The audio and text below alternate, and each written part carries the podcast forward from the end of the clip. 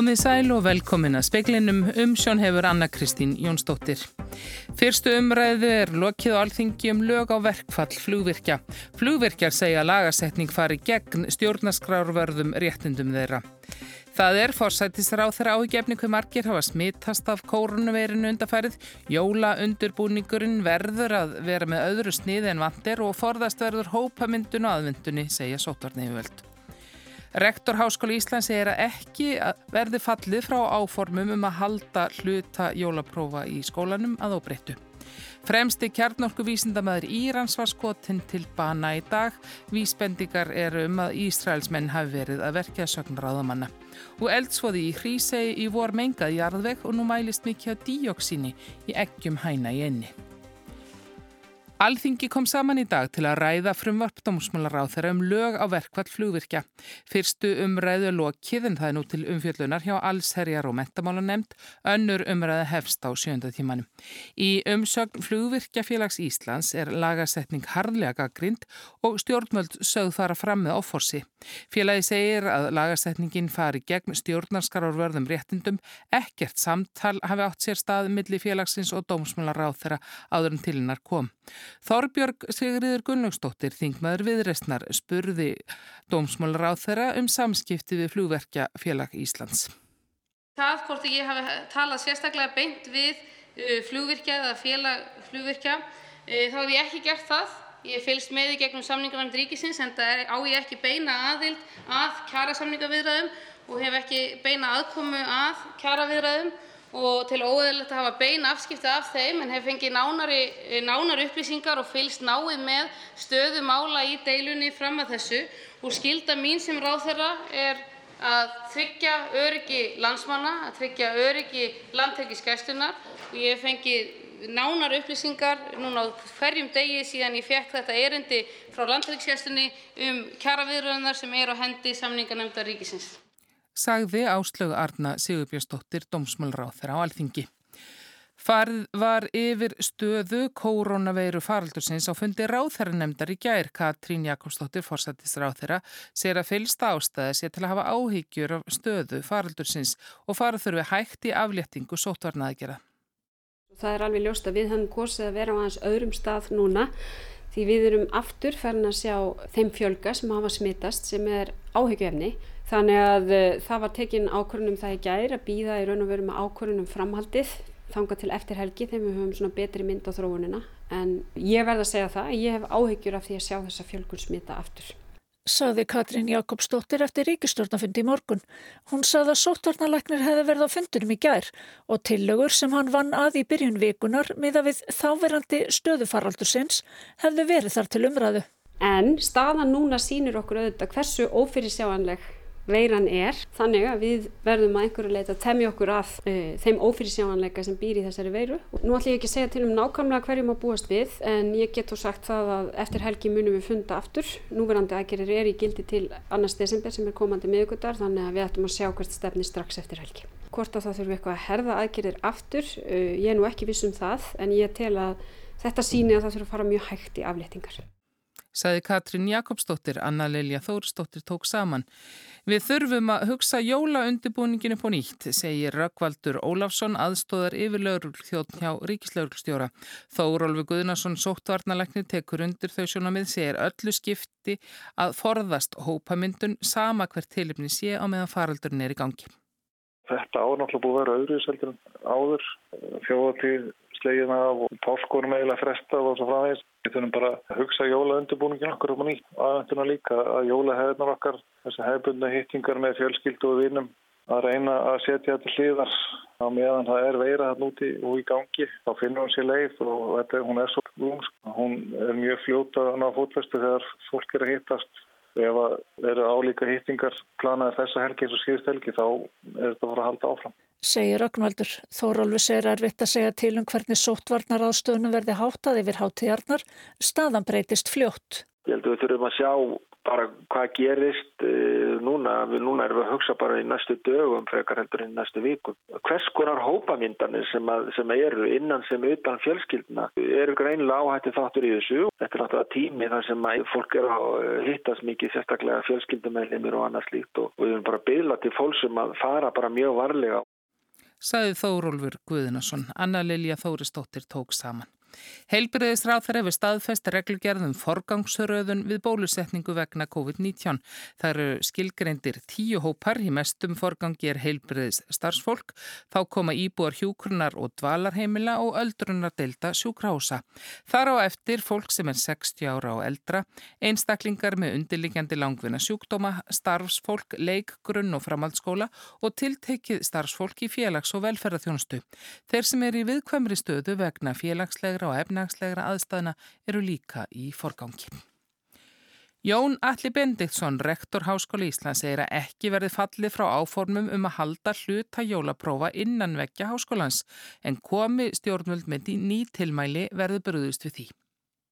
Og það sem við gerum er að við bara fylgjum þeim reglum sem eru í gildi hverju sinni og uh, samkvæmt þeirri reglugjörð sem unnið með þá eru próheimil í háskóla uh, með tilteknum skilirðum og við hefum bara útfært það og náttúrulega um leið og stjórnvöld breyta sínum ákvörðunum og setja nýja reglur þá, þá munum við náttúrulega bara fara eftir því.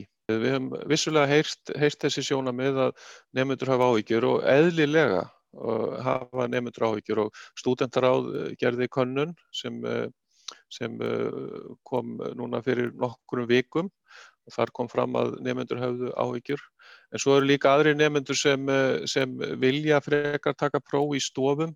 Það er þannig að heimapróf eru öðru vísi heldur en e, sem sagt venjuleg stofupróf. Svo það er svona ími sjóna með hvað þetta varðar. Saði Jón Alli Bendiktsson. Fremsti kjarnorku vísindamaður Írans, Mohsen Fakhrizadeh að nafni var ráðin af dögum í dag. Hann var yfirmaður rannsókna og þróunarstofnunar íranska varnarmálaráðunitsins. Fakhrizadeh særðist alvarlega þegar skotið var á hann þar sem hann var á ferði í bíl sínum í grend við höfuðborgina Teheran. Hann var fluttur alvarlega særður á sjúkrahús þar sem hann lést af sárum sínum.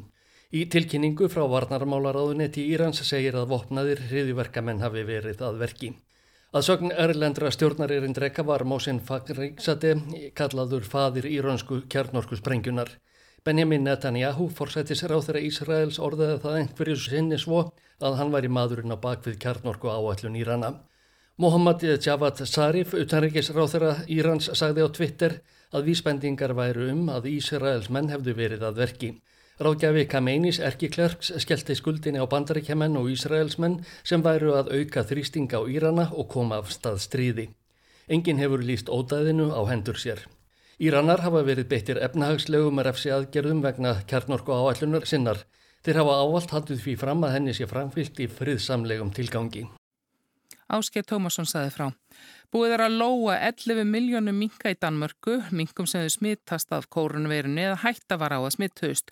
Matvæla stopnum Dana tilkynnti þetta í dag. Dýrin voru frá 288 búum á Jólandi þar sem smitt kom upp og 446 búum til viðbóttar á hættu svæðum. Í yfirlýsingu frá stopnunni segir á síðustu mánuðum hafi COVID-19 smittast hratt á milli minkabúa því sé ánægilegt að tilkynna að öllum dýrum sem voru í áhættu hópi hafi verið fargað. Innkalla þurfti alla framleiðslu eggjabúsins landnámsegg egg í Hrísei þar sem hátt gildi díóksíðs mældist í eggjunum. Ástæðinu talin mengun í jarðvegi sem rekja má til læltsóðans í Hrísei í vor. Þetta komi ljós í gær eftir að síni voru tekin úr eggjum sem fóru á markaði ágúst eða september.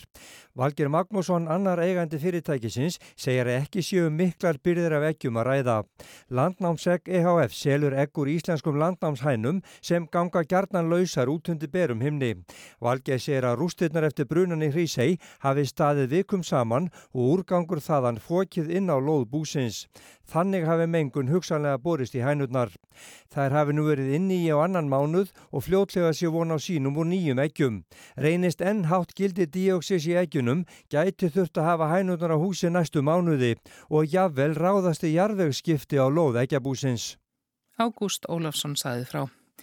Svína yður flugum þingsal í Tæfan þegar þingmenn stjórnar andstöðuflokksins Kuomintangs mótmæltu ákverðun stjórnarna í Taipei að slaka á takmörkunum og innflutningi á svínakjötti frá bandaríkjönum. Stjórnin á Tæfan tilkynnti nýlega að frá áramótum yrði leifta flytting kjött af svínu sem fóðruð hefðu verið með blöndu sem inni hétti raktópamin en efnið eikur vöðavöxt í dýrum. Nótkunn þess í því skinni er víða bönnuð þar á meðal í Európusambandinu og Kína en er algengi í svínarækt vestanhafs. Embættismenn í Washington hafa lagt ríka áherslu á að takmarkanir á einflutningi á svína og nautakjötu frá bandaríkjunum komi í veg fyrir nýjan viðskiptasamning millir Tævans og bandaríkjana. Tsai Ing-wen, fórseti Tævans og flokkur hennar, lílaðislegi framfaraflokkurinn, vonað tilslakanir á einflutningi á svínakjöti dugi til að koma honum í höfn. Þingmenn Komintang mótmæltu þessari ákverðun stjórnarinnar í morgun og báru sumir þingmanna mótmælastbjöldi þingsal. Síðan var komið með fötur fullar af inniblum svína og störtað úr þeim á gólfið. Hófið þá þingmenn Komintang að kasta hjörtum, livrum og öðrum inniblum að stjórna þingmannum. Kristján Róbert Kristjánsson saði frá. Búist er við að lög á verkvall flugverkja verði samþýtt á alþingi í kvöld. Verkvallið hafi staðið í þrjár vikur. Í greinagerð með frumvarpi dómsmálráð þegar kemur fram að náist ekki að semja fyrir 4. januar til nefni hæstiréttur í gerðardám sem hafi þá tíma til 17. februar til að ákveða kaup og kjör. Gilvi Dalman Aðalsteinsson, dósent við Háskóla Íslands, segir að lagasetning vegna verkvallsins kom ekki ávart það er nú ansi oft gripi til lagasetningar á verkvall hér á Íslandi og, og hvaða frá árinu já, svona 85 það er sér cirka 16-17 lagasetningar og þeim eru beitt ansi oft uh, svona síðustu ár og, og flugverkjar hann nú sjálfur fengið á sig lög og ég minnist þess 2014 þegar þeir voru í verkvalli flugverkjar á Æslandir og þá voru sett lög og þegar alltingið kom saman til þess að samtíkja lögin að þá frestuðu flugverkjar verkvallinu þannig að það kom aldrei til lagasetningarinnar. En það er mjög slæmt ef það er gett að ljúka kjaradeilu nefnir lögum að verkvall og hugsanlega getur það að dreyja svolítið úr samningsvilja aðila að vita það sé yfirvandi lagasetning. En kannski varandi þessa deilu sem er svolítið sérstætt að árið hérna, 2006 er að lögum um landilskessluna var, var breytt og þá var sett inn ákvæði sem að bannaði ákveðnum hópum innan gesslunar sem að sína löggesslistörum að fara í verkvall og ef maður rínir í greinagerina með lögunum og þú segir sko varandi þetta sérstaklega ákvæði að, að það sé nöysilegt að tryggja löggæslu starfsemi og það er talað um það hérna, að þeir starfsmenn sem sinna löggæslu með ekki verið verkvall og það sé mjög mikilvægt að starfsemi landíksgæsluna sem byggir meðalans á björgunar og löggæslustörum sé laus við verkvall. Kanski voru þessi lög, þetta lagákveð kannski náðu ekki nú breytt að tala um löggæslu hugsanlegt að tala um sko, starfsmenn sem er sinna björgunar og löggæslu störfum. En þarna er einmitt uh, hópur, uh, þetta er ekkert móðalega margi menn, flugverkjar hjá gæslunni, þetta er ekkert eitthvað um 20 starfsmenn eitthvað svo leiðis og svo kemur, hefur líka komið fram með að segja hluti þeirra, einmitt fellur undir þetta ákvæði sem eru svona skilgrendir sem hluti á áhöfnun og hafa ekki verkfallsrétt mm. en, en meðan hinn er hafa það en endar svo með lagasetningu þannig að var, er það ekki svona sérkennilegt með svona lítinn hóp? Ég held að mann hefur kannski átt að hugsa þetta aðeins breyðar á sín tíma en, en það er náttúrulega hópar hérna starfsmanna sem hafa ekki, ekki verkvælsrætt eins og lauruglan og, og starfsmann eilinar og fleiri. Þannig að það sem maður kannski er svona maður heyrir ráður að tala ráður að tala um það sem verður að vísa í almanahagsmunni, almanaheil og sko hinga til þegar það hefur verið sett lög á vinnudilur þá er það meira snúist að því að annarkot getur ríki ekki sint svona lögmæltu hlutverki sín eins og kennslu eða hagur heilar aðungarinnar í húfi eins og ferðarþjónustu og, og svo líka efnaðslífið ef að sjómenn fari í verkvall og svo framvegis. Uh, en nú hafum við sko hérna, haft uh, kjaradeilur sem að já, þessu bara til dæmis verkvall lækna. 2014, það voru ekki sett lög á, á hérna, verkvall lækna. Það er annað sem er aðtilsvert þegar það er sett lög á, á verkvall og þá yfirleitt endar, byggja lögin þannig á því að, að mann hafi eitthvað nákvæmlega frest til þess að ganga til samninga eins og núna. Og náist ekki samningar á okkurum tíma liðnum að þá virkjast gerðadómur og ég hef talað fyrir því genið tíðin að, að þeirra kjaradeilur eru langvinnar og flóknar og sér ekki fyrir endan á lustir að þá sé ákveðt að virkja gerðadóm það sem að maður veit, veit kannski ekki alveg nú vel er það sko, hver, hver, hver er forskrift gerðadóms ég vildi að þannig að gerðadómur tekur til starfa að þá þarf hann að taka tillit til launathróunar sambarleira hópa. Nú gerðardómur nýlega í kjaradeilu hjúknarfræðinga að þá hérna, var það laust hjá ríkisáttarsemjara að skipa gerðardómum launaliðin og áður hafi fyrr, fyrrönd ríkisáttarsemjari líka virkja gerðardóm varandi kjaradeilu ljósmæðra og ég minnist þess að bæði hérna, formennessara félag voru mjög ósátti við niðurstu gerðardóms. Það það er ekki gott að segja hvernig niðurstaðan verður. En þegar að eh, gripið er til aðsetninga, hvað er, svona, er einhver eitt þráður, hún nefnir hérna til dæmis lækna sem að sinna nú neyðar og bráða þjónustu en þá voru menn, er það metamenn það út frá já, undan þáum sem hafa verið gefnar eða hvað er það sem skiptir máli því hvenar kemur til lagasetningar? Jú, ég held að það sé mitt punkturinn í þessu varandi lækna, það var hvað lækna þá hérna var eh, starfseminni heldur gangandi og kannski var, var náttúrulega einhverjir nökrar á starfseminni en það sem að ráð þeirra er að vísa í þeirra að vera ógna almannaheil og alltaf vinnumálastofnun hefur um talað um það að ef að vinnudeila stofna lífi heilsu eða öryggi borgarinni hættu þá sé, ég vil talið, ellett að skrýpa inn í kjaradeilu með lagasetningu þannig að eins og ráðræður kannski verið vísa til í hérna, fjölumölum að, að samfélaginu og hún talaði um sjófærendur er ákveðin hættabúin og öryggi og heilsu stemt í hættu. Þetta sé svona megin raugin fyrir því sem er að gerast inn með lagasetningunni. En af því að það er nú svona eins og þú vísaði til áðan, það er ekki þannig að allir hafi verkfallsrétt og stjettir eða hópar sem já, verkfall þeirra fyrir sjáanlega þýðir að upp kemur mjög krítisk staða. Er þá eðlilegra eða hvaða máli skiptir eða þá að hvort að minn hafi rétt til verkfalls eða ekki? Já, sko verkfallsréttin er mjög mikilvægur og, hérna, og það er sem sagt eitt af því sem að svona gerðnum tíðin ef maður skoðar vinnulögjöfin og það er tilurinn sem er gerð til þess að breytinni síðustu áratýji alla breytingar sem að einhvern veginn hafa uh, lotið að því að reyna að skerða verkvælsréttin hafa mætt, mætt mikil anstöðu. Um, það má ekki glema því þegar við erum að tala um verkvælsrétt þá er alltaf að tala um líka í sömu andra um verkbandsrétt sem að gildir þann vinnuvindur og almennunumarkaði. En, hérna, en þegar við erum með svona hópar uh, starfsmanna sem að sinna svona þjóðhagslega mikilvægum störfum þá er spurning hvort þetta leiti ykkur annar að leiða og, og hérna, það hefur gert með aðra hópa þannig að og ég er svona aðeins að velta fyrir mig sko af hverju hérna, þetta ákvæði í lögunum frá 2006 með landinskessluna eh, af hverju var þetta ekki lá, látið ná yfir fleiri aðila heldur en bara þeir sem er sinna löggjæstlistörfum eins og sagði á þann að þá hérna, er verið að vísa í hérna, öryggis og björgunastörf sem að má els ekki lamast kannski það er einhver svona einhver, einhver, einhver brotalöma á því við lagsetninguna 2006 Saði Gilvi Dalman Aðalsteinsson Forstjóri heilsugjastlunar á höfuborgarsvæðinu segir að byrja sig að undirbúa hvernig á að standa bólusetningu gegn COVID-19 til greina komið að leia stórar skemmur til að auðvelda verkið. Óvist er hvernar bóluefni gegn pestinni kemur hinga til lands. Hins vegar er ljóst að það mun að stæstum hluta verða í verkaringa heilsugjastlustöðum allt land að sjá um sjálfa bólusetninguna.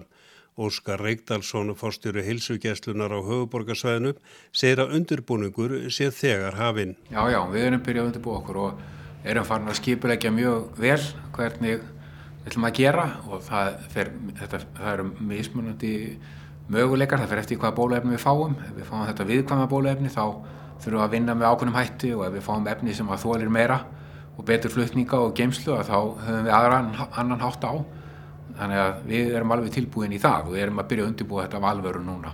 En hvar mun bólusettingin fara fram á sjálfum heilsugjærslustöðunum eða þarf að til dæmis að leia skemmur eða starri húsnæði? Ef að líkum lætur þá bendir það til þess að við þurfum að gera hvoru tveggja. Annars vegar að bólusetja ákveðna hópa á stöðunum eða fara út í stærri skemmur við höfum möguleikana á hvoru, hvoru lausninni sem er og það getur vel verið að sé praktíst að taka þetta í stóðunum skemmum, sérstaklega vegna þess að vandamálið okkar er að fólk þarf að býða 15-20 mínútur eftir bólusetninguna inn á stöðinni sem það er bólusett á. Þannig að það getur farið svo að það sé sniðut að hafa mjög stór húsnæði. En það rúmast líka ansi margir inn á hverju heilsugjastlustöð. Við erum með 30 herbergja heilsugjastlustöð og getum haft 34 á byð í hverju herbergi þá getum við komið fyrir 100 manns í einu þannig að á þeirri stöð getur við bólusett kannski 200 manns á klukkutíma og 2000 manns á einum degi. Þannig að það er nú allt örgulega fáum við ekki meiri, mikið meiri möguleika. Bara það verður efnið sem að okkur kemur til með að vanda frekar en, en mannskapur og, og plás Fólk þarf að býða eftir að það er spröyta til að sjá hver viðbröð þess eru við bólusetningunni. Óskar sér að verkefnið framöndan sé nokkuð stórt því stemt sé að því að þetta gangi rætt fyrir sig. Þegar svínaflensufaraldurinn gekk yfir 2009 voru talsveit margir bólusettir. Hann sér að reynsla sé því fyrir hendi. Þetta er með því allra starri verkefni sem við tökum fyrir því við reynum að gera þetta rætt. Þannig að við náum sem fyrst áhrifum af bólusetningunum. Það verður ekki verið upplýst hver marga stendur til að bólusetja. Hins verður stemt á því að keiftir verði 5-600.000 skamtar af bóluefni. Speilin hefur heyrta tilstanda bólusetjum 270.000 manns sem væru þá 75% þjóðarinnar. Það er ljóst að öfugt við svínanflensuna að ekki verður lögð áherslu á að bólusetja börn. Óskar segir að þetta fari eftir því hver mikið að efni berist til landsins. Mjög gott eh, sé að 70-80% þjóðarinnar fái spröytum og fólk verður spröyta tvísarsinnum til að ná betri virkni. En hvað líður langur tími á milli? Það eru allt frá tveimur og upp í svona fjórar vikur sem við erum að, sem að ég veit af þessum bólefnum sem núna er búið að sækja markasliði fyrir. En í, í svínaflensunum þurftum við ekki að bólusetja nema einu sinni. Þannig að þetta er, en stundum þarf að bólusetja tvísvar til þess að skapa betra ónæmi. Flestar þjóður eru nú að meta hverjir fá fyrstir í bóluefni eða hvernig forgangsröðunin verður.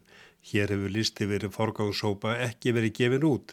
Hins vegar er ljóstaði í forgangi verða heilbreyðistarsfólk, aldraðir og fólk með undirlikjandi sjútumann. Í Nóri er áallega 1,3 miljónir normanna til er í þessum áættuhópim eða 24% þjóðarinnar. Það svara til þess að um 87.000 manns hér á landi tilheri þessum hópi. Er veit Óskar hvernig forgangslistin mun líta út? Ég fengi þar upplýsingar að þetta veri gert með mjög nákvæmum hætti og reyndi að hafa þetta eins skýrt og hægt er. Þannig að það kemur vantanlega reglugerð eða klárlega tilmæli frá sótvarnarleikni. En við, það sem er, það sem er almenna og svona sam Sameinlegu niðurstöður allar þessar aðila sem hafa verið að gefa skoðunir sínir á þessu er að það er aldurinn sem er málið, að bólis, byrja ofanfrá í aldri og færa sér niður á við. Það er það sem er alveg augljóst. Og þá erum við að tala um já, 65 ára og eldri. Já, jafnveil 60 og eldri. Það eru tölur sem að sumir tala um líka. En hvernig fær fólk tilkynningu um að koma í spröytum? Óskar segir að líklega fái það tilkynningu um það í síma. Það er stemt af því og vonandi gengur það eftir að fólk fái bara einfallega strikamerki sendt í síman sin og mætið með ákveðunum skilaböðum það hvar það á að mæta.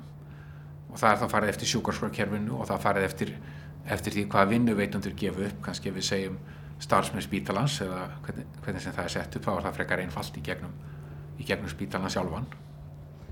Menn hafa ekki hugmyndum hvernar efnið kemur og hver mikið kemur til landsins en uh, ég gerir ykkur ykkur að grein fyrir því hvað þetta mun taka langan tíma eftir að bóluefni kemur til landsins. Það, við, Ég á ekki von á því að húsnæði eða mannabli verði neitt til þess að stoppa hlutina vegna þess að ef við tækjum bara til dæmis eina hilsugjastlustöð sem væri með 30 herbergi og 30 sem býða 100 í einu 200 klukkutíma þá erum við að spröyta það marga, við erum bara örfa á daga að taka 80% af þeim sem tilhera þeirri heilsugjastustöð eða í þeim durnum. Þannig við erum ekki nema nokkra dagi að gera þetta ef við ákveðum, ef við fáum bara efni. En, en þannig að það, það er það sem mun stýra því. Og bara loka spurning, já, hver borgar? Eh, verður fólk að borga fyrir spröytunum? Þetta er ákvörðun helbyrðisar ráðnættisins en væntanlega er fólk ekki látið borga, ég held að þetta hljóta að verða okkipis en það er ákvörðun ráðnættisins, það er reglugerar ákvæði. Saði Óskar Reykdalsson, Arnar Pál Haugsson talaði við hann. Í vor stöðvaði veirufaraldurinn lífið jamt í stórborgum sem smábæjum. Lífið í minniborgum og bæjum kemst fljótt í samt horf þegar léttir á samkómahöftum, annað með stórborgarlífið og spurningin hver langtíma veiru áhrifin verða þar. Glögt er gess auga að það þurfti kannski belgiska leikstjóran Santa Lackermann til að gera heila kvikmynd úr götumyndum frá New York. Götuhljóðin er eins og andadráttur borgarnar sem þá var, ekki léttur og leikandi, heldur þungur og þrúandi. Mynd Ackermanns, frettra heimann, er frá 1976 og hennar New York er niðurnýtt næstum mætt Svo litið sami þingslatótnin í Reykjavíkur ljóði Péturs Hafsteins Lárussonar frá 1989. Meðan slæri í turni, sín ellifu slög, sér að hallgrímir í sörbæ, stöndum við neðar í gráu holdunu og býðum. En andin á neðanverðu austur og vestur Manhattan sem Ackermann kvikmyndaði er nú mun léttari en var, glættur lífi hipstervæðingarnar, kaffihús fyrir kaffinörda, bakari fyrir bröðnörda og útiveitingar að hætti suðlæra landa, sama gerst svo víða. Samfara lífanlegri miðborgum og næsta nágrenni hefur fastegna verð hækkað og verðmunur millir hverfa aukist, þá líka í Reykjavík. Drjútt síðan litrikt mannlíf þurkaði út gráman á skólaverðuholti. Áður niður nýtir hlutar af 101 er nú í háum kursi. Í líflegum miðborgum samtímans eru stórar búðir, litlar dýrarbúðir, veitingastæður og voldug stórfyrirtæki. Í næsta nágrenni fyrirtæki sem þjónusta þessa aðila eins og lagmannstofur og fjármálasísla. Í nokkra mánuði í vor stöðvaði óvæntur veirufaraldur jamt stórborgarlíf sem annað líf. Þegar létti á samkomi hamlum í sumar var ábyrrandi að miðborgir stórborga voru áfram í deyfðinni, fólk sem áður ferðaðist hanga til vinnu vann áfram að heiman og ferðamenn sjálfséðir. Og þá er spurningin hver verða áhrifin á borgarumhverfið og fastegnaverð þegar við verðum búin að gleima grímum og tveggja metra fjarlægð aftur farin að heilsast með handabandi og jafnvel faðmlugum. Svari liggur að hluta í hverfum í nánd við miðborgi stórborgana. Hér í London í hverfi eins og Bermondsey, þrýhyrningi millir London Bridge og Tower Bridge. Bermondseyingar finna flest á torfunni sinni, markaðir, veitingastæðir og leikús laða að fleiri nýbúana Fjöldi vinnustad allt um kring, bæði risastórir og pínu litlir.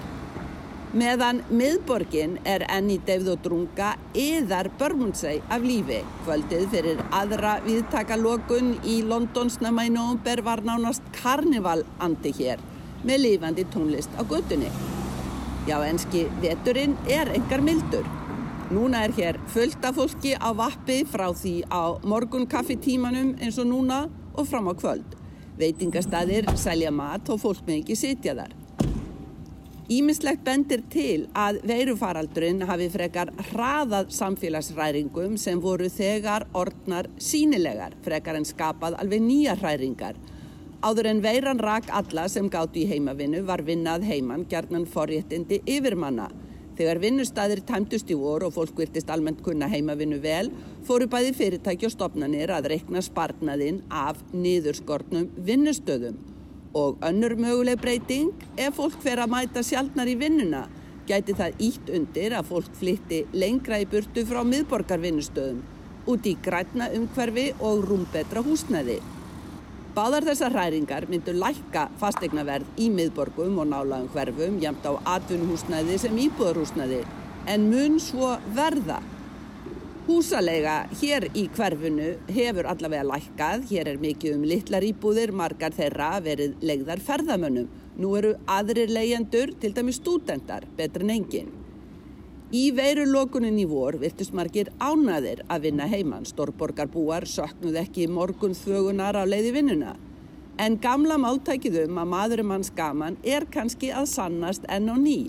Samkvæmt nýri konun Queen Mary Háskólans á afstöðu Lundunabúa til heimavinnu hafa 45% unnið heima, 23% kunnaði vel en heil 47% telja heimavinnu hafa neikvæð áhrif margt kemur til. Íbúðir miðsvæðis hér eru oft litlar og mishendugar til heimavinnu og margir kunnaði ítla að heimavinna vil þurka út skilin millir vinnu og engalífs.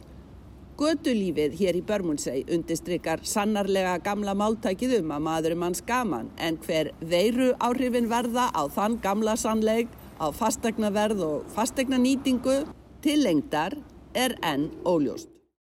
Saði Sigrún Davísdóttir. Það verður all kvöss eða kvöss suðu vestanátt með dimmum jæljum fram á morgun, dregur svo úr vindi, hægari og bjart með köplum austanlands. Suðaustan kaldi með rigningu eða slittu, sunnanlands, sent annað kvöld og hitti um frostmark. Gular veðurviðvarnir gilda til morguns við faksaflóa breyðafjörð á vestfjörðum, ströndum og norðurlandi vestra, þar maður búast við vondu, skigni og erfiðri færð. Fleiri er ekki í speklinum í kvöld, Magnús Þorstein Magnússon var tæknumæður í útsendingu, veriði sæl.